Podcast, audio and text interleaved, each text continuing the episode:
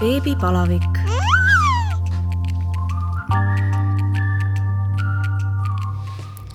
tere tulemast kuulama Õhtulehe podcasti Beebipalavik. mina olen saatejuht Katariina Toomemets ja täna on minu külaliseks naiste tervise füsioterapeut Helle Nurmsalu. tere, Helle!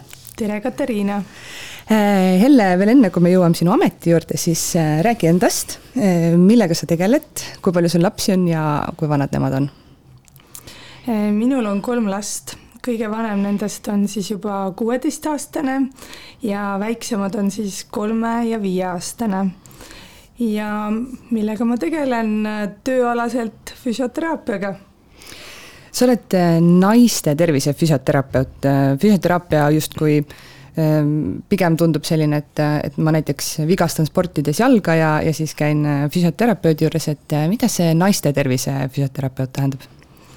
Naiste tervise füsioteraapia või siis ka günekoloogiline füsioteraapia, mille üks osa on ka vaagnapõhja füsioteraapia, on siis äh, kogu maailmas arenenud just viimase kümnendi jooksul ja see tähendabki põhimõtteliselt seda, et ma töötan naistega, kellel on siis näiteks sünnitusjärgselt probleeme kõhulihastega või vaagnapõhjalihastega.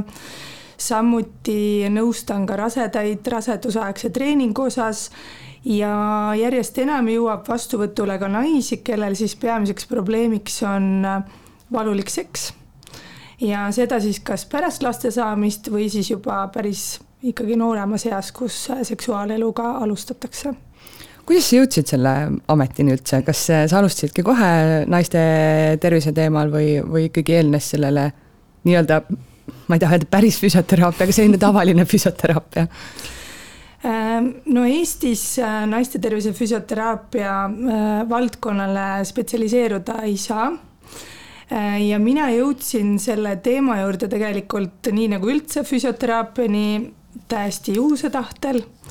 et rohkem siis kui kümme aastat tagasi tuli mu vastuvõtule üks naine, kellel siis pärast kolmanda lapse sündi oli päris ulatuslik kõhulihaste lahknemine ta oli ise medõde, oli väga teadlik sellest ja siis ta näitaski mulle, et näed, ma saan kümme sõrme oma kõhulihastele vahele.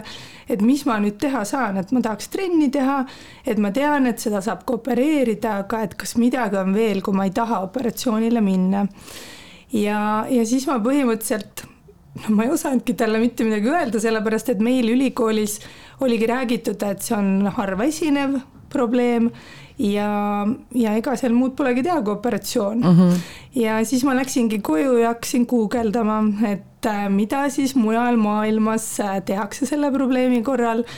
ja, ja see oli hästi põnev teekond, sellepärast et äh, Äh, kuidagi mingid pusletükid hakkasid nagu kokku jooksma, et, et tegelikult äh, ma sain teada, et, et sellist äh, mm, noh, natukene väiksemal kujul diastaasi esineb ikkagi väga paljudel sünnitanud naistel ja, ja et see on üks peamisi põhjuseid, miks võib-olla sünnitusjärgselt ka normaalkaalulistel naistel kõhulihased või kõht ei taastu ära mm. -hmm. et et, ähm, et sealt see kõik alguse saigi ja siis ähm, esimene koolitus oli USA-s ja pärast seda siis äh, mitmed koolitused äh, Inglismaal ja, ja nii ta, nii ta algas seda Eestis õppida ei, ei saa, kas sa oled mõelnud äh, võib-olla selle, selle niši või selle augu täita ja hakata ise inimesi koolitama sel teemal ähm,?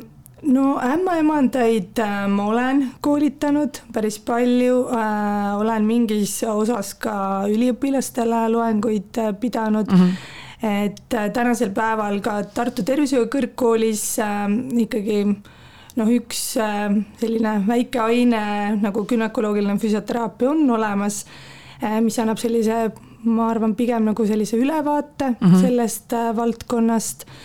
Aga no kes teab, võib-olla kunagi, et täna, täna on ikkagi minu, minu põhihuvi ikkagi kliiniline töö sinu suurem äh, klientuur on siis sünnitanud või, või rasedad naised, et mis on põhilised probleemid, millega nad tulevad, kõigepealt siis rasedad ja, ja siis sünnitanud naised? Äh, no raseduse ajal äh, tullakse mm, äh, mõningate selliste rasedusaegsete vaevustega, näiteks sümfüüsivalu, alaseljavalud, järjest enam ka sooviga teha trenni, aga näiteks ei julgeta teha trenni. Mm, et ja noh, järjest rohkem ka võib-olla nagu ennetuslikus mõttes, et, et mida ma saan enda heaks teha selleks, et mul näiteks äh, sünnitusjärgselt ei tekikski probleeme mm. -hmm et, äh, et see ennetuse pool on ka äh, minu suureks rõõmuks järjest rohkem nagu hakanud kasvama. ja sünnitusjärgselt noh, ongi põhiteema on ikkagi kõhulihased. et soovitakse teada, kas on diastaas või ei ole või et miks see kõht ei taastu mm, -hmm. kui kehakaal on taastunud Äh, ja noh, järjest enam siis ka vaagnapõhja probleemid kas ähm, kõhulihaste puhul siis, ütleme, ähm, mis nendega üldse raseduse ajal juhtub? et äh, miks siis tekivad mingisugused äh, probleemid pärast ja, ja miks see kõht ei taastu? No kõhulihased saavad päris korraliku koormuse meil raseduse ajal, et kõhulihased on loodud venima piki suunas Äh, ja mingis ulatuses siis ka külgsuunas mm, -hmm. aga probleemid tekivadki sellest, kui, kui see külgsuunas venitus raseduse ajal on liiga suur mm. -hmm no see võib tuleneda näiteks sellest, et rase võtab liiga palju kaalu juurde. Äh, see võib tulla ka, ma ei tea, sellest, et näiteks mis iganes põhjusel tekib liiga palju lootevett mm. -hmm. et see on selline asi, mida me tegelikult kontrollida ei saa Ehm, no üks äh, soodustav faktor on äh, ka kindlasti näiteks äh, väga nõrgad kõhulihased et miks väga tihti ikkagi need probleemid süvenevad ka korduvrasedatel. enne kõhulihased on jäänud juba nõrgemaks mm -hmm. ja mhm. siis tuleb uus rasedus peale ja siis see kõhulihas saab ülemäärase venituse külgsuunal kas, äh, kuidas seda siis raseduse ajal, äh, noh, ütleme, et mul ongi enne nõrgad kõhulihased ja ei, ei ole neid võib-olla treeninud, mis ma siis raseduse ajal äh, teha saan, et, et seda juhtuks, noh, hullult kõhulihased vist ei hakka ju vohmima jaa, aga nagu läbi üldise füüsilise aktiivsuse tegelikult me hoiame ka toonust oma kõhulihastes, ehk kui ei ole mingisuguseid äh, Äh, probleeme, miks ei tohi liigutada, et siis ma igal juhul soovitan olla füüsiliselt aktiivne. ideaalis muidugi juba enne rasedaks mhm. jäämist mm, -hmm. aga raseduse ajal ei ole ka hilja alustada, et tegelikult see on üks parimaid eluperioode, kus sellised tervislikud eluviisid äh, endale sisse harjutada.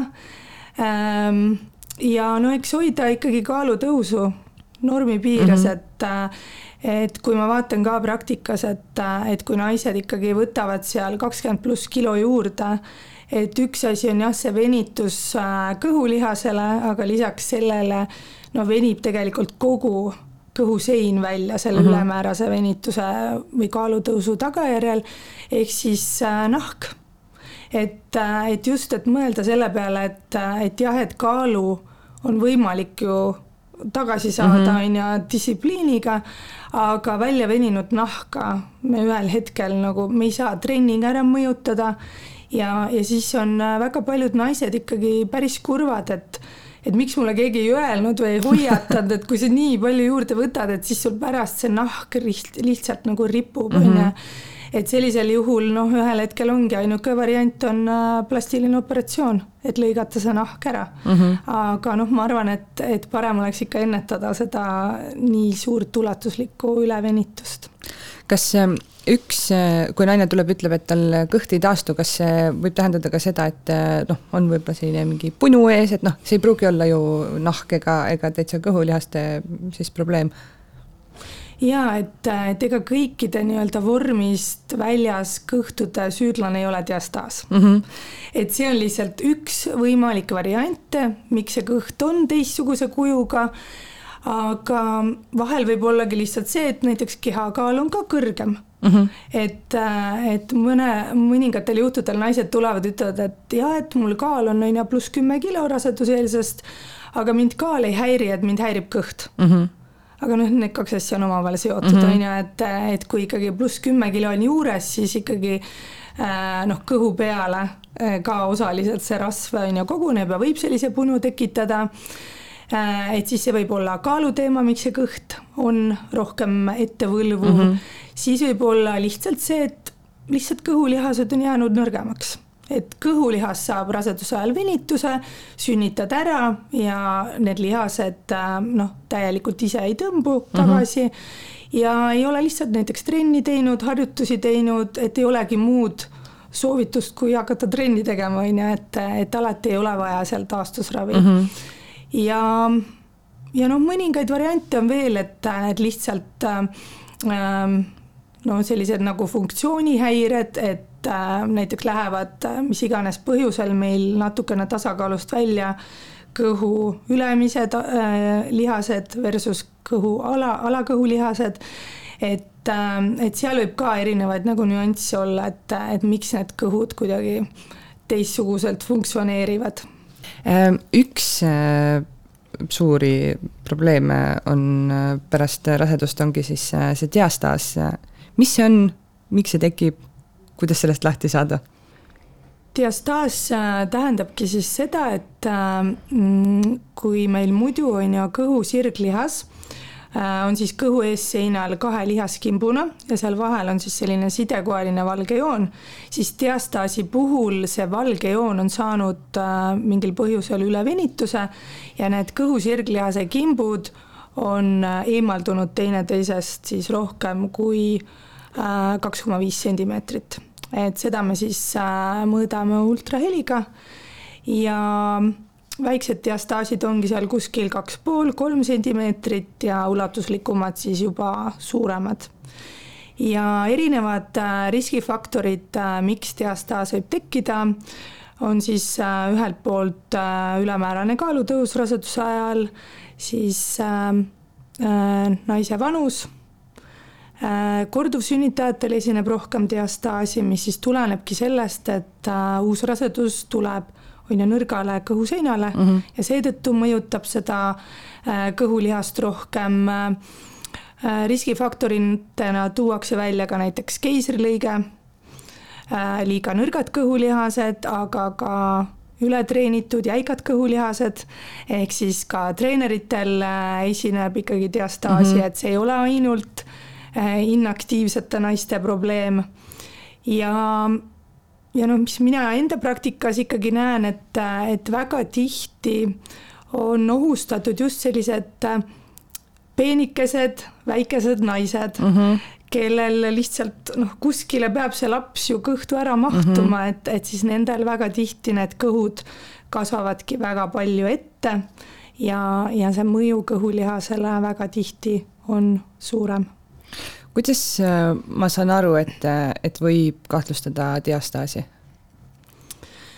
Äh, no esimene märk, ähm, noh, kus võiks hakata võib-olla mõtlema selle peale, et äkki mul on diastaas, ongi, kui ähm, ütleme, kolm kuud pärast sünnitust kehakaal juba hakkab, on ju, minema sinna raseduseelse poole mm, -hmm. aga kõht on ikkagi noh, ebaproportsionaalselt suur endiselt, et et sellisel juhul ka, et ei ole mõtet äh, jääda ootama, et äkki ta nüüd ise läheb korda, et mm, -hmm. et see iseeneslik taastumine on esimesed äh, kolm sünnitusjärgset kuud ja sealt edasi noh, on vaja ikkagi midagi hakata tegema, et kas siis harjutusi või trenni, et et, äh, et mingil määral jah, kui, kui kaalu on rohkem juures ja, ja aja jooksul ta veel langeb, siis see kõht ikkagi muutub mm. -hmm. aga jah, et, et kui kõht on ikkagi ebaproportsionaalselt suur, siis äh, kui selili äh, näiteks pead tõstes on näha, et kõhu keskjoonele tekib selline nagu üles võlvumine mm, -hmm. et sa näed, et keskjoon nagu ta lükkab nagu üles survega. või kui näiteks jalgu tõstes selili asendis on näha ka, et see kõht läheb ikkagi punni mm, -hmm. et, äh, et need on sellised äh, ühed kõige ilmsemad ähm, noh, näited, et, et võib äh, kahtlustada diastaasi ja kui nüüd juba hakata ise on ju katsuma oma kõhulihaseid, et pannagi käsi siia naba piirkonda, nabast natukene ülespoole ja nüüd natukene tõsta oma pead ja tunnetada, et kas ma saan oma käed lükata sinna kõhulihasele vahele, et mm, -hmm. et diastaasi puhul on siis tunda niimoodi, et kahelt poolt nagu no nagu kerge nagu näpits oleks, et mm, -hmm. et mhm. võtab kinni, et, et on tajuda seda vahet ja ja sellisel juhul ka, et kui on tund-, tunda seda, siis võiks lasta üle vaadata, et kas seal võib olla äh, mingi probleem kõhulihasega. et ta kuidagi nagu haiget ei tee? või on äh, ka mingi selline, selline tundemärk võib-olla? Äh, no enamjaolt nüüd otseselt see lihase lahknemine meile kuidagi valu ei põhjusta äh,. väga tihti võib muidugi diastaasiga kaasneda ka erinevad songad mm. -hmm. Äh, väga sage on näiteks ka nabasong ehk kui äh, naba pärast sünnitust jääb välja punnitama mm, -hmm. et siis on alust kahtlustada, et seal võib olla tegemist väikese nabasongaga. ja song võib mingit äh, valu ikkagi mm -hmm. põhjustada, on ju Äh, aga kui nüüd rääkida üleüldse kõhulihastest, mis siis ei funktsioneeri päris nii, nagu nad on loodud uh mhm. -huh. funktsioneerima, siis äh, võib esineda füüsilisel pingutusel valulikkust kõhus. Äh, et näiteks last tõstes või näiteks, kui beebi põtkib jalgadega vastu kõhtu uh, mhm. -huh. kui võib olla tunda valulikkust, et see nüüd alati ei pruugi olla seost diastaasiga, aga võib-olla, et mhm. -huh. et mingisugune error seal kõhulihastes ikkagi on kuidas siis, kuidas see siis korda saab, kas ütleme, ma tulen su vastuvõtule, sa ütled, et jah, on diastaas, oletame, et see on veel selline väike. kui, kui pikk see periood on, kas sa siis annad mingisugused harjutused, pean iga päev kodus tegema mingeid teatud harjutusi, ma ei tea, kaks kuud ja, ja siis on korda või, või kuidas see taastumine käib? Mm. -hmm. et äh, diastaasi puhul siis ka, et esmane ravi on meil konservatiivne ravi ehk äh, hakkamegi tegema harjutusi. ehk siis äh, noh, tegelikult see lihase vahe on ainult üks parameeter, et väga tihti on kaasuvalt sellega ka kõhulihased väga nõrgad mm. -hmm.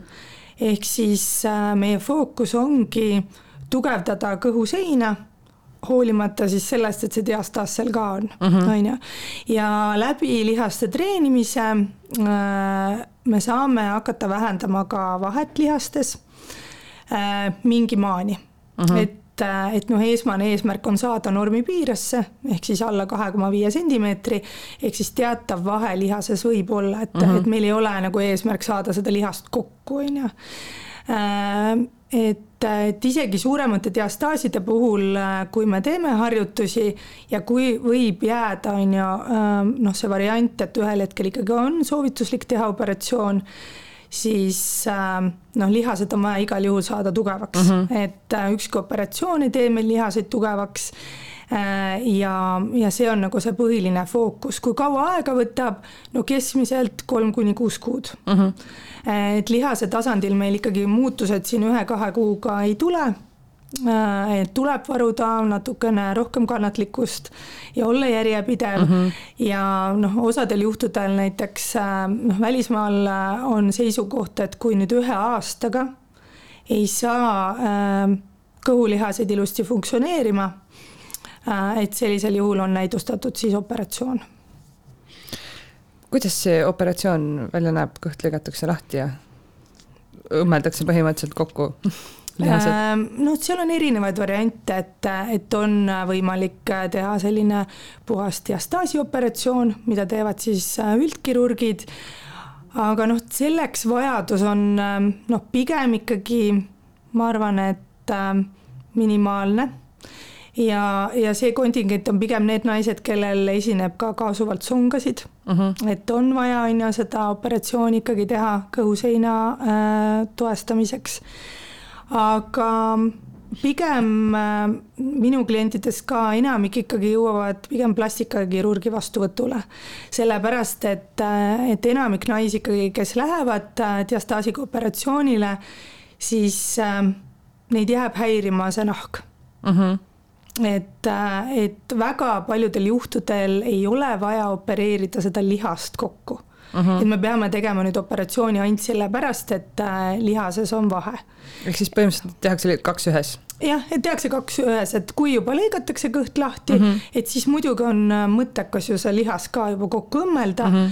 aga kui naisel näiteks nahk ei ole saanud üldse kahjustada et tegemist on ainult sellise lihase probleemiga uh, -huh. siis sellisel juhul ikkagi me saame väga häid tulemusi puhtalt harjutustega ja sealt edasi siis naasmine tavatreeningusse pärast taastusravi lõppu ja tegelikult elustiiliga on võimalik hoida seda kõhuseina väga ilusti funktsioneerivana ja ka esteetiliselt täiesti ilusana üks äh, teine sage sünnitanud naiste probleem on ma ei tea, kas see on uriinipidamatus, äh, selle nimi, noh, ühesõnaga aevastad, tilk tuleb püksi, hüppad batuudil, tilk tuleb püksi, naerad, äh, mis iganes.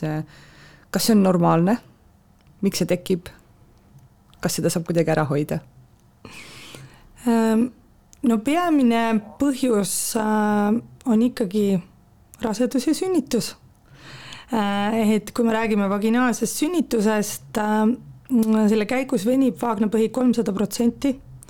et see on ikkagi selline korralik spordivigastus, äh, mis mõjutab nii lihaseid, sidekudet ja noh, kindlasti see ei ole normaalsus mm. -hmm. et normaalne on ikkagi see, et me saame vabalt teha erinevaid füüsilisi pingutusi, joosta, hüpata, naerda Äh, ja meil ei juhtu midagi, aga, aga see probleem on päris sage. ja, ja sellisel juhul ka peamine esmane ravi on ikkagi harjutused. mis, mis harjutused, mida, mida ja kuidas äh, peab siis treenima ja kuidas seda siis ennetada, kas seda saab juba raseduse ajal ennetada? Äh, jaa, et noh, raseduse ajal on soovituslik alustada juba vaagnapõhjalihaste harjutuste tegemisega. sellel on äh, mitu põhjust, äh, et üks kõige olulisem põhjus on äh, lihasmälu mm. -hmm. sellepärast, et kui me oleme teinud neid harjutusi raseduse ajal ja me hakkame sünnitusjärgselt, kui on lihased tõesti nõrgad, uuesti neid lihaseid üles otsima, siis on meil kordades lihtsam kui meil on lihasmälus see kogemus mm -hmm. olemas, et me teame, mis tunne see peaks olema, kust me peaksime tundma, et tegelikult kõige keerulisem on ikkagi nendel naistel hakata vaagna põhjale harjutusi tegema, kes kunagi varem pole mõelnudki, et kus mm -hmm. need mhm. vaagnapõhjalihased on või mis harjutused on. et see esmane kogemus tulebki nüüd sünnitusjärgselt, kus lihased on saanud väga suure venituse ja siis öeldakse sulle, et nii, et hakka nüüd pingutama mm -hmm. oma mhm. lihased, et, et siis on äh, hästi keeruline tunda. Äh, ja ja ütleme, erinevad teadusuuringud näitavad ka, et tegelikult naiste teadlikkus vaagnapõhjalihaste treenimisest on pigem madal mm. -hmm ja ligi nelikümmend protsenti naistest äh, teeb harjutusi valesti mm. -hmm. ehk siis äh, noh, kui tuleb see mõte, et võiks hakata tegema vaagna põhjal ikkagi harjutusi ja leida need lihased ülesse, siis äh, esmajoones on oluline ikkagi kindlaks teha, et, et sa teed õiget asja sellepärast et muidu võib juhtuda, et sellest ei ole väga kasu uh mhm. -huh. ja sünnitusjärgselt võib isegi rohkem nagu kahju tulla sellest kus need äh, vaagna põhjal lihased on ja, ja kuidas ma need äh, ise üles leian äh, no vaagna põhjal lihased asuvadki nii-öelda meil jalge vahel kinnituvad siis ühelt poolt häbemeluule, teiselt poolt siis sabakondile. Nad ümbritsevad nii kusitit, tuppe kui ka pärakut ja neid lihaseid äh, üles otsides äh, võib-olla alguses on kõige lihtsam mõeldagi, et, et ma tahaksin hoida nagu häda kinni. ehk siis mitte ainult pissihäda, vaid ikkagi oluline on tõmmata töösse ka tagumine sein mm -hmm. ehk nii kaka kui pissihäda. ma kohe proovisin järele ja et, et see tunnetus jah, võiks olla siis, et ma tõmban on ju kokku ja natukene nagu ka ülesse mm, -hmm. kui tahaksin luku kinni tõmmata ja siis lasen vabaks. et pissimise poole pealt võib korra proovida äh, pissimise ajal kas äh, sa suudad näiteks uriinijuga peatada mm, -hmm. aga tänasel päeval on ikkagi seisukoht, et seda võib teha nagu ühekordse testina mm. -hmm. et äh, ammustel aegadel oli jah soovitus, et äh,, et see on üks viis, kuidas treenida oma vaagnapõhja, et pissimise ajal aeg-ajalt niimoodi peatada mm -hmm. uriinijuga, aga tänasel hetkel see ikkagi soovituslik ei ole. nii et et, et see on ka üks test, et kas lihased funktsioneerivad hästi, sellepärast et kui lihased on nõrgad, siis võib sünnitusjärgselt juhtuda, et uriinijuga peatada ei ole võimalik mm. -hmm ja no sellisel juhul äh, ma ikkagi soovitan pöörduda füsioterapeudi poole, et, äh, et sellisel juhul on raske juba ise neid lihaseid võib-olla üles leida. aga kui ikkagi tunne on, et suudad uriinijuga peatada, tunned jalge vahes seda pingutust, et siis järgmise asjana, mida ma soovitaks äh, vaadata peegliga et kui oledki sellises poollamavas mugavas asendis ja vaatadki käsi peegliga, et mida sa näed mm. -hmm. et äh, oluline on siis äh, näha sellist nagu sissepoole liikumist mm. -hmm. et kui ma ütlesin ka et, et nelikümmend protsenti teevad valesti, siis äh, nad suruvad alla ehk siis lükkavad nagu väljapoole mm. -hmm. ja kui nüüd peegliga vaadata, siis on nähagi, et see tupeavavus nagu läheb avaramaks mm, -hmm. mitte ei lähe on ju kokkupoole. et see on jällegi see märk sellest, et on vaja füsioterapeudi juurde minna, et ei tasu ise neid harjutusi teha mm, -hmm. sellepärast et äh, pärast sünnitust me enam midagi allapoole lükata ei taha mm. -hmm. et sünnitusel ja pressides äh, on see suund allapoole, sünnitusjärgselt on suund kõik ülesse mm. -hmm.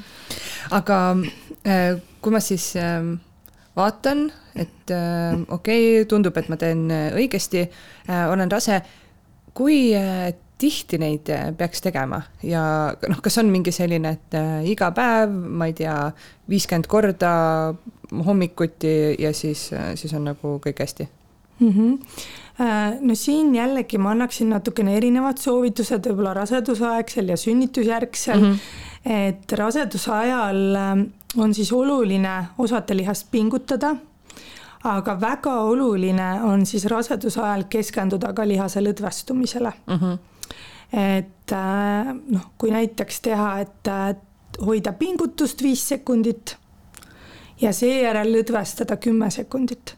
ehk raseduse ajal kindlasti peaks olema see lõdvestumise periood pikem mhm. -huh. sellepärast et äh, sünnituseks ettevalmistumiseks äh, me tahame, et naine oskaks ikkagi lõdvestada mm -hmm. oma lihaseid.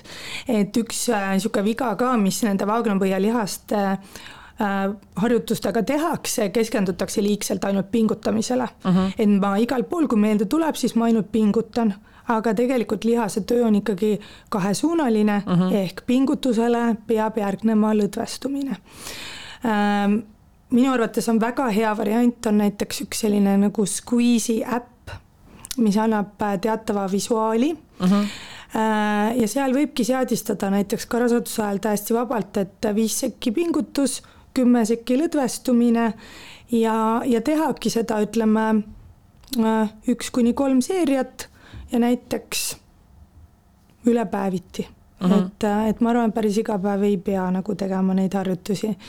ja sünnitusjärgselt äh, noh, siis võiks äh, harjutada sisse mingi periood iga päev harjutuse tegemisega, samamoodi äh, pingutusele järgneb lõdvestumine uh. -huh. Äh, lihtsalt sünnitusjärgselt võib juhtuda, et see viis sekundit pingutus on liiga pikk et lihas lihtsalt ei jõua hoida seda pingutust, et mhm. -huh.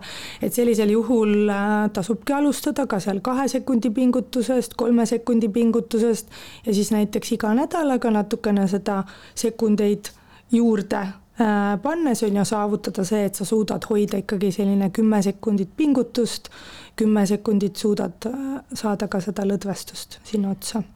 kas ähm, see sünnitusjärgsel ajal kehtib äh, ainult äh, loomulikult eelsünnitanud naistele või, või ikkagi ka keisrilõikega sünnitanud naisel vaagnapõhjalihased äh, lähevad siis nõrgemaks? jaa, et keisrilõige Äh, keisrilõike eripära on see, et väga tihti sünnitusjärgselt võib olla naistel probleeme vaagnapõhjalihaste ülepingega et see suure tõenäosusega tuleneb sellest, et kuna alakõhulihased äh, operatsiooni järgselt ei saa nii hästi toimida mm, -hmm. siis vaagnapõhjalihased tahavad oma tiimiliiget natukene aidata ja, ja naised hakkavadki kuidagi nagu keha stabiliseerimiseks nagu alateadlikult hoidma neid vaagnapõhjalihaseid mm -hmm. pinges. ja, ja rohkem esineb jah, sellist nagu ülepinget. Äh, selle üks märk äh, on siis äh, raskused näiteks põie tühjendamisel mm, -hmm. et selline tunne, et ma pean nagu pingutama, et põid tühjendada mm, -hmm. et põie tühjendamine peab meil olema siis läbi lõdvestumise. et see on siis oluline jälgida kõikidel naistel, et ei ole niimoodi, et kui ma pissile lähen, siis ma nagu tahan suruda selle mm -hmm. uriini põiest välja, vaid äh, pissimine on see, et ma lasen lihtsalt vabaks mm. -hmm. ja, ja kui ma pean ülemäära selleks nagu pingutama, siis see on üks märk, et vaagnapõhi võib olla ülepinges Äh, teine märk äh, on siis valulik seks mm. -hmm. et äh, et kui ka keisrilõikega sünnitanud naine on vahekorras ja vahekord on valulik, siis on alust arvata, et, et seal võib olla tegemist ikkagi ülepingega.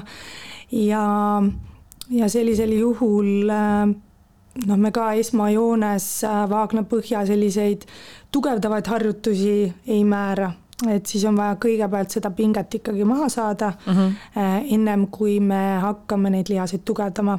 ja tegelikult noh, seesama jutt on ju valuliku seksi kohta kehtib siis ka vaginaalselt sünnitanud naistele kas siis, äh, siis ongi, pigem siis keskendutakse sellele lõdvestumisele või, või kuidas, äh, kuidas seda pinget sealt lahti saada? noh, kui ma ikka tunnen, et ma olen täiesti pinges, ma ei saa, ei, ei suuda lõdvestuda, noh.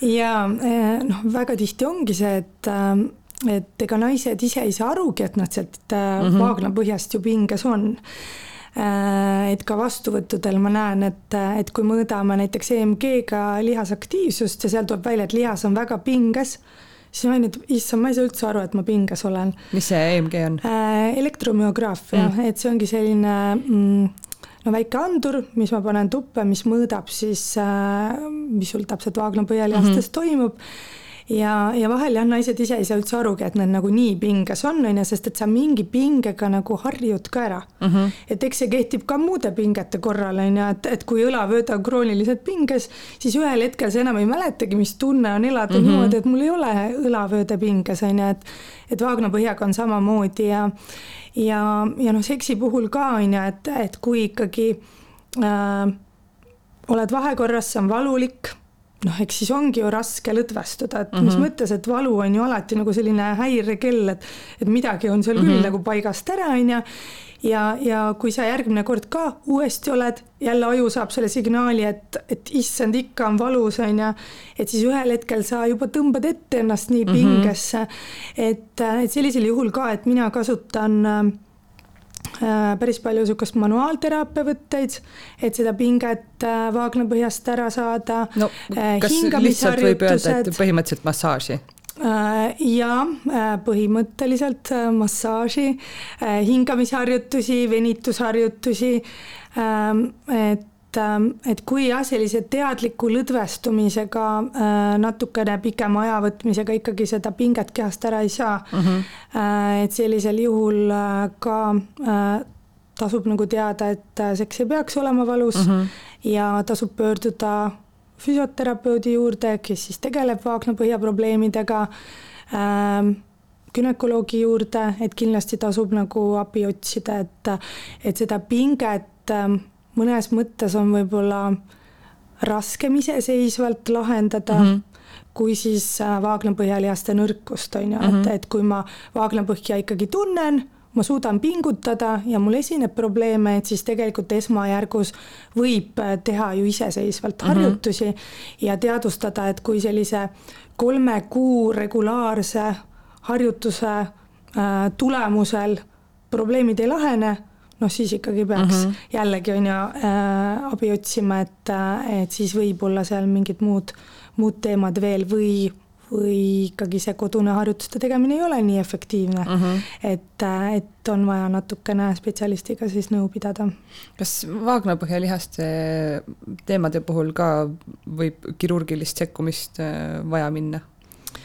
Äh, jaa, et äh, vaagnapõhja probleemide korral äh, ka esmane ravi on harjutused, aga jällegi, kui siis harjutused, no ütleme sellise võib-olla poole aasta lõikes ikkagi tulemust ei anna, et, et siis tasub ikkagi pöörduda urogünekoloogi juurde, kes siis võib-olla omalt poolt saab määrata mingisuguse ravi, et tänasel päeval ka uriinipidamatuse korral on juba vähesema sekkumisega, näiteks põiekaela toestamiseks tehakse täitesüste ja natukene siis äh, invasiivsem on siis linguoperatsioon, millega antakse siis äh, toestus. nii et, äh, et kindlasti ei pea jääma kannatama mm, -hmm. aga mõningatel juhtudel võib arst jah näha, et, et see operatsiooni näidustus oleks siis natukene hiljem, kui on kindel, et rohkem lapsi ei planeeri Mm -hmm. et vahel see võib olla nagu takistus, et tegelikult kõhu puhul samamoodi, et nii kõhulihaste kui ka vaagnapõhjalihaste operatsioonide äh, korral väga tihti peaks olema ikkagi kindel, et rohkem lapsi mm -hmm. ei soovi. et kui on ikkagi väikene selline mõte, et äkki võib-olla kunagi äh,, siis äh, võib juhtuda, et operatsioon ei ole äh, ikkagi kõige parem mõte sellel hetkel. kas see on siis sellepärast, et kui see operatsioon ära teha ja uuesti rasedaks jääda, siis noh, see põhimõtteliselt nullib ära selle töö või, või on ta kuidagi kahjulik mm,? jaa, no ütleme kõhulihaste puhul noh, kindlasti. Et siis tuleb arvestada, et, et see kõhusein saab kahjustatud mm, -hmm. sellepärast et armkude äh, ei veni meil väga hästi ja rebeneb ja vaagnapõhjaga samamoodi. et tegelikult äh, kui on armistunud äh, noh, mingi struktuur, siis me ei oska prognoosida mm, -hmm. kuidas see näiteks ka vaginaalse sünnituse korral äh, võib rebeneda mm. -hmm. Ja, ja hiljem võib see kahju olla veelgi suurem me rääkisime keisrilõikega sünnitanud naistest, milliste probleemidega nemad veel sinu juurde jõuavad?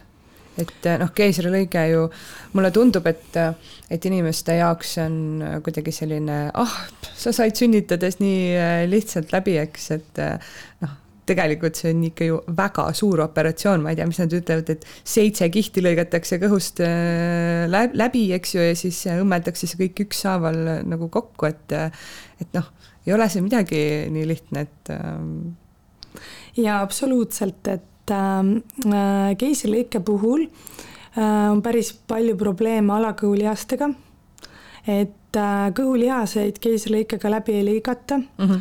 aga trauma lihastele on igal juhul äh,. väga tihti häirubki see tunnetus, et see alakõht jääb äh, tundetuks mm. -hmm.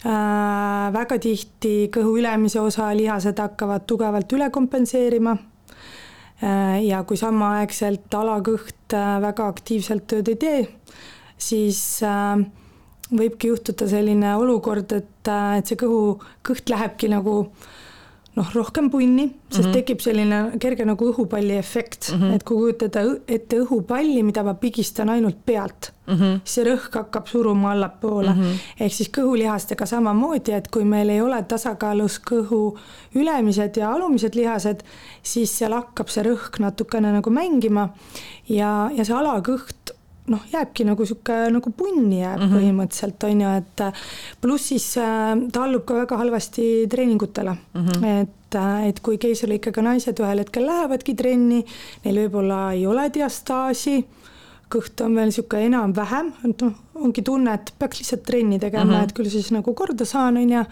siis juhtubki see, et näiteks ei jõuagi üldse teha enam äh, mingeid alakõhuharjutusi mm, -hmm. näiteks et kui ennem naine käis pilateses, siis pärast äh, keisrilõiget vaatab, et täiesti lõpp nagu, et, et ma lihtsalt ei suuda hoida oma jalgu üleval mm. -hmm. või siis, kui ma teen kõhulihaseid, äh, võib esineda näiteks rohkem võib-olla ka valulikkust mm, -hmm. mis vahel ka äh, hirmutab ära naised. et issand, et et mingi imelik tunne kõhus on ju, ah ma igaks juhuks ei tee, on ju. Mhm. ja siis tekib ka selline surnud ring, et ühelt poolt nagu on tunne, et äh, kõht on nõrk, peaks teda treenima, aga teisalt nagu kuidagi ei julge või ei tunne mm -hmm. või ei suuda enam seda kõhtu üldse sissepoolegi tõmmata, et et tegelikult keisrilõike puhul ikkagi äh, noh, ütleme selline opijärgne taastusravi äh, on täiesti nagu vajalik mm, -hmm. et kui me mõtleme, et põlveoperatsiooni järgselt äh, me läheme füsioterapeudi juurde, et siis tegelikult keisrilõige, täpselt nagu sa ütlesid, on väga suur ulatuslik kõhuõne operatsioon. Äh, ja selle järgselt ähm, ikkagi võiks need lihased üle vaadata, et kuidas nad funktsioneerivad. sa rääkisid ähm, sellest kõhutundlikkusest. noh, väga paljud äh, naised, keisrilõikega sünnitanud naised ütlevad, et ma ei tea, pool aastat, aasta, mõni ütleb viis aastat hiljem on kõht veel tundetu kui suures ulatuses see tundetus siis äh, normaalne on? mina ise olen ka keisrilõikega sünnitanud, noh, väga hull ei ole, no natuke on ikka sealt äh, armi juurest. ja siis on äh, väga naljakas on mõnikord, et tunned, et kõht sügeleb ja siis hakkad sügama ja siis ei saa aru, kust ta sügeleb, et, et huvitav, kas see on nagu mingi fantoomvalu, sest lihtsalt ei tunne seda kohta. ja mina sünnitasin kaks aastat tagasi mm. -hmm. Ja et noh, mingil määral selline noh, muutunud tundlikkus on normaalsus aga jällegi me saame seda hästi palju äh, vähendada läbi teadliku kõhu masseerimise mm, -hmm. mis aitab tundlikkust taastada, et kui me räägime keisrilõike järgselt näiteks armi mobiliseerimine on ju, et see ongi põhimõtteliselt ähm, noh, kuus nädalat pärast äh, keisrit me saame hakata juba kõhtu masseerima kergelt Äh, kaksteist nädalat äh, pärast keisrilõiget juba armi masseerima, et tegelikult see aitab seda tundlikkust taastada mm, -hmm. siis samamoodi äh, harjutuste tegemine kui me hakkame üles otsima neid alakõhulihaseid, mis alguses ongi tundetu selline tunne, et ma ei saa üldse aru, kus mul üldse lihased mm -hmm. on või et mul neid lihaseid üldse enam ei ole. et tegelikult kuna need esimesed ka taastusraviharjutused äh, Äh, nad ei ole füüsiliselt rasked mm, -hmm. vaid nad pigem ongi nagu mentaalselt rasked, et mm -hmm. me mhm. võimegi mõelda, et äh, keisrilõige, see tekitab süsteemis nagu lühise mm. -hmm ja, ja nüüd ongi vaja, on ju, uuesti see nii-öelda see lühis ära parandada, on ju, et, et see nõuab päris palju sellist mõttega tööd, keha tunnetamist äh,, hästi oluline on anda äh, ajule tagasisidet Mm -hmm. et kui me kõhulihasele teeme midagi, et äh, kas me katsume seda kõhulihast samal ajal või me näeme peeglist, et meil kõht on ju töötab. et tegelikult see kõik aitab äh, parandada ka seda tundlikkust mm -hmm. ja tunnetust äh, alakõhus.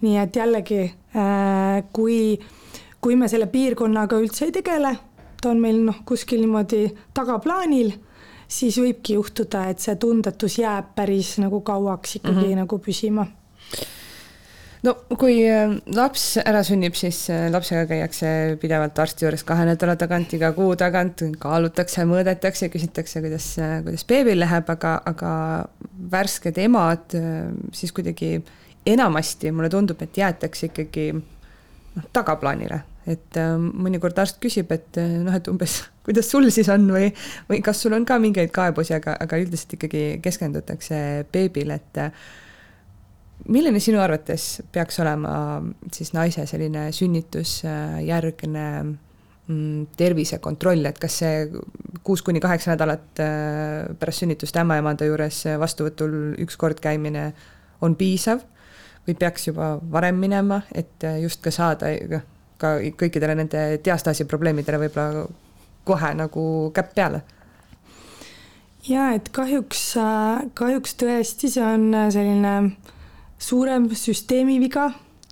et väga paljud naised noh, tunnevadki, et raseduse ajal kõiki huvitab, kuidas neil läheb mm -hmm.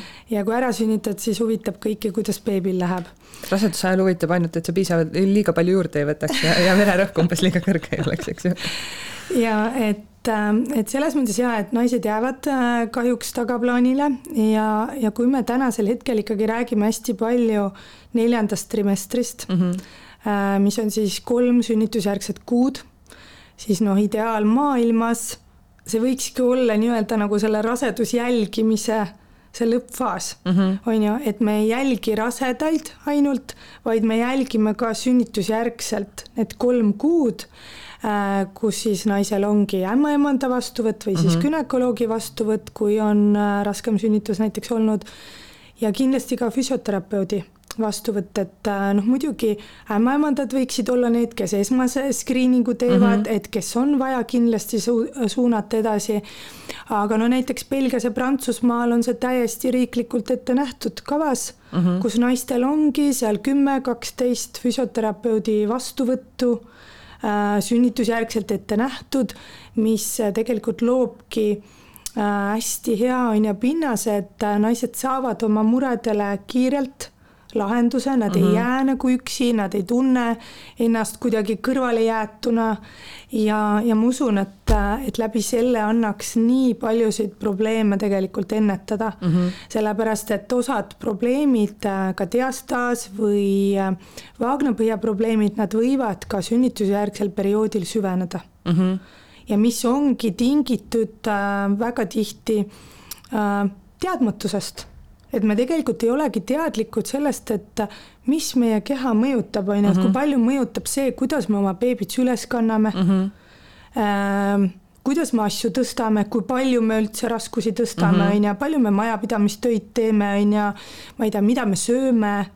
et tegelikult äh, või noh, kasvõi kuidas on naise vaimse tervisega, on ju, mhm. kuidas ta tuleb toime üldse sellise suure elumuutusega mm, -hmm. mida tegelikult lapse sünd äh, ikkagi endas nagu äh, kaasneb, et, et tegelikult jah, võiks, äh, võiks nagu see kolm sünnitusjärgset kuud, kus võib-olla naine on kõige haavatavam mm, -hmm. ikkagi selline toetus olla olemas ja, ja kuna ikkagi rasedus on füüsiliselt ka naisele väga ikkagi koormav mm, -hmm. ta on väga suur muutus, siis äh, lasta oma keha ikkagi nii-öelda füüsiliselt ka vaadata üle, mitte nüüd ainult see vaagna põhi mm, -hmm. äh, vaid äh, ikkagi keha kui tervik eks jah, see sünnitusjärgne aeg on, või noh, ma kujutan ette, et ka paljud naised võib-olla jõuavadki sinu juurde liiga hilja või ükskõik millise spetsialisti juurde, sest ongi see sünnitusjärgne aeg, sa oled kogu aeg ju beebiga, tegutsed, noh, sa ei mõtlegi enda peale. sa mõtled küll, et ah, võib-olla mul on valus või ebamugav, aga, aga noh, beebi vajab ju tegelemist, et, et siis sa lükkad selle oma ebamugavuse sinna taha ja, ja pärast siis äh, pead hakkama lappima neid suuremaid äh, probleeme. aga millal naised üldse sinu juurde jõuavad, kas enamasti on nad äh, pigem teadlikud, et, äh, et saavad aru, et juba natukene on probleem ja ma hakkan seda kohe lahendama või jõutakse pigem noh, juba siis, kui probleem on väga suur? no täiesti seinast seina. et Äh, on naisi, kellel on probleemid olnud juba, ma ei tea, viis kuni kümme aastat mm. -hmm. mitme lapsega, eks ju? ja mitme lapsega, äh, sest on ka siiani sellist suhtumist, et nii, ma sünnitan kõik oma lapsed ära mm -hmm. ja siis ma tegelen enda kehaga mm. -hmm aga noh, see kõige parem idee ei ole, mhm. on ju, sellepärast et siis ühel hetkel võib juhtuda, et neid probleeme on nii palju mm, -hmm või mõned probleemid on äh, sellisel määral süvenenud, et, et me nüüd ainult harjutustega enam ei saa mm -hmm. võib-olla aidata, on ju. et, äh, et minu soovitus ikkagi on tugevdada oma keha teadlikult pärast igat rasedust mm. -hmm. läbi selle me tegelikult saame nii paljusid probleeme ennetada, et, et kõige... ja ka seesama lihasmälu, mida sa enne mainisid. just, just. ja kõige enam siis äh, noh, probleeme ikkagi ju esineb korduvsünnitajatel mm -hmm. ja just nendel naistel, kellel on äh, äh, plaanis saada lapsed väikese vanusevahega mm. -hmm. et kui ikkagi see vanusevahe, no ütleme, et on alla viie aasta äh, ja naine seal vahepeal üldse trenni pole jõudnud äh,, et see risk on ikkagi päris suur, et mm, -hmm. et võib midagi juhtuda, muidugi on erandeid. et äh, mul on ka olnud nelja-viie lapse emad kes polegi midagi teinud mm -hmm. ja ongi täiesti super hästi taastunud, lihtsalt ongi vaja keha natuke tugevdada ja, ja taastusravi vajalik ei ole. aga, aga muidu jah, et, et on suuremate probleemidega, on neid, kes äh, tulevad juba väikese probleemiga ja järjest rohkem on, on ka neid, kes, äh, kes tulevadki, ütlevadki mulle, et tead, et mul tegelikult nagu väga probleeme ei ole, et ma tulingi lihtsalt kontrolli mm. -hmm. ja, ja need on minu arvates nagu noh, need on nagu ideaalsed kliendid sellepärast et äh, ma tean, kui palju äh, nagu nende elu on võimalik muuta läbi selle, et nende teadlikkust tõsta mm. -hmm. et kui nad äh, tegelevadki oma kehaga teadlikult pärast esimese lapse sündi, kus ei olegi mingeid erilisi probleeme mm, -hmm siis on väga suur tõenäosus, et neil probleeme ei teki ka pärast teist last mm. -hmm. ja nad on juba väga palju teadlikumad, mida nad saavad juba hakata kohe tegema ka pärast sünnitust mm, -hmm. et see taastumisprotsess oleks veel selline kiirem ja, ja mõnusam kui äh, mul on pärast esimest last näiteks olnud äh, diastaasiga probleem, ütleme, saame selle korda, kas siis äh, on pigem kindel, et, et see probleem tuleb pärast teist-kolmandat last tagasi või, või ei pruugi? Ähm, no pigem ikkagi mingil määral see kõhulihas jällegi saab meil venitada mm. -hmm. aga meil on võimalus ikkagi raseduse ajal hoida seda kontrolli all mm. -hmm et ei tekiks ülemäärast venitust ja samamoodi äh, kohe pärast sünnitust äh, me saame jälle hakata seda lihast taastama uh, mhm. -huh. ehk me saame vältida, et see probleem ei süveneks uh. Mhm. -huh. aga mingi väikene nagu äh, noh, ütleme nii-öelda tagasilangus või lihase vahe suurenemine, et kui me teraapia lõpus seal võib-olla saame ta näiteks ühe koma viie sentimeetri -hmm. peale ja kui sa ühel hetkel äh, jääd rasedaks, siis suure tõenäosusega see lihase vahe raseduse lõpus on ikkagi suurem ja mm -hmm. mingis ulatuses see on täiesti normaalne. et ega kõhulihase puhul noh, me peame arvestama, kõhulihas on ikkagi loodud ka venima mm. -hmm. et naise keha on loodud last kandma aga äh, probleemid tekivad jah sellest, et kui me nüüd survestame seda kõhuseina ülemäära palju, mhm. on ju, et ongi see kaalutõus või kui meie kehad on liiga nõrgad, et, et kuna tänasel päeval ikkagi noh, on ülekaalulisust mhm. rohkem mm -hmm. kui vanasti ja, ja võib-olla ka sellist nagu inaktiivsust, istuvat eluviisi. Äh, et siis selle tõttu see teadlik tugevdamine on hästi oluline mm -hmm. ja pakkuda oma kehale nii enne rasedaks jäämist ikkagi leida seda aega äh, lapse või laste kõrvalt, et oma keha eest hoolitseda ka natukene äh,. ja ka raseduse ajal siis samamoodi, et, et on võimalused ju ka kodusteks treeninguteks mm, -hmm. kodusteks harjutuste tegemiseks.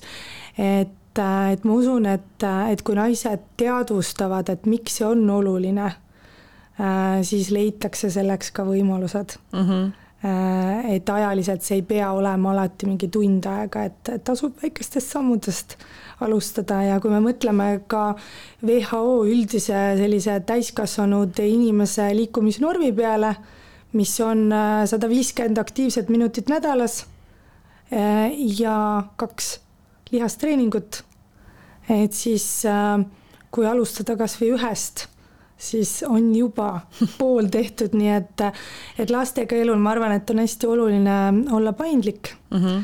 ja ei pea, pea alati olema see viieline, kes, kes teeb kas kõik või mitte midagi mm, -hmm. et leida neid võimalusi oma keha tugevdamiseks ja, ja kui äh, meie keha toimib nii, nagu ta on loodud toimima, siis läbi Äh, ka igapäevatoimetuste me saame tegelikult oma kehale anda seda koormust päris palju, on ju, et et jälgida, kuidas me oma lapsi tõstame mm, -hmm. on ju, kuidas me neid süles kanname, kuidas me istume, kuidas me seisame, et äh, nendes olukordades saavad ka lihased tegelikult väga efektiivselt töötada aga lihtsalt peab teadvustama seda mm, -hmm. et need on olulised, et, et me ei lõsutaks seistes, on ju, et, et see ka survestab meie kõhuseina.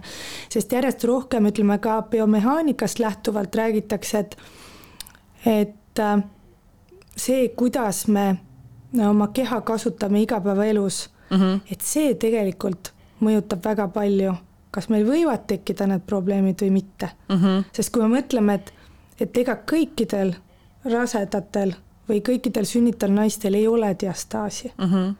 et, et see ei ole see ainuke põhjus, miks nagu tekib, on ju, et tegelikult ja samas, ega need kõik ei pruugi ju noh, väga mingi megatreenitud olla. jaa, just, on ju, et, et see ei ole nagu, et see on lihtsalt üks variant, mida tasub nagu mõelda, kui see kõht on muutunud mm, -hmm. kui ta ei taastu ja, ja tasub lihtsalt teadlik olla nendest asjadest Helle, aitäh sulle, väga põnev ja ma kujutan ette, et äh, nii rasedad kui, äh, kui sünnitanud naised said äh, kindlasti väga palju nippe kõrva taha panna. aitäh sulle! aitäh teile kuulamast! Kuula beebipalavikku üle nädala neljapäeviti Spotify'st, iTunes'ist või kust iganes oma podcast'id leiad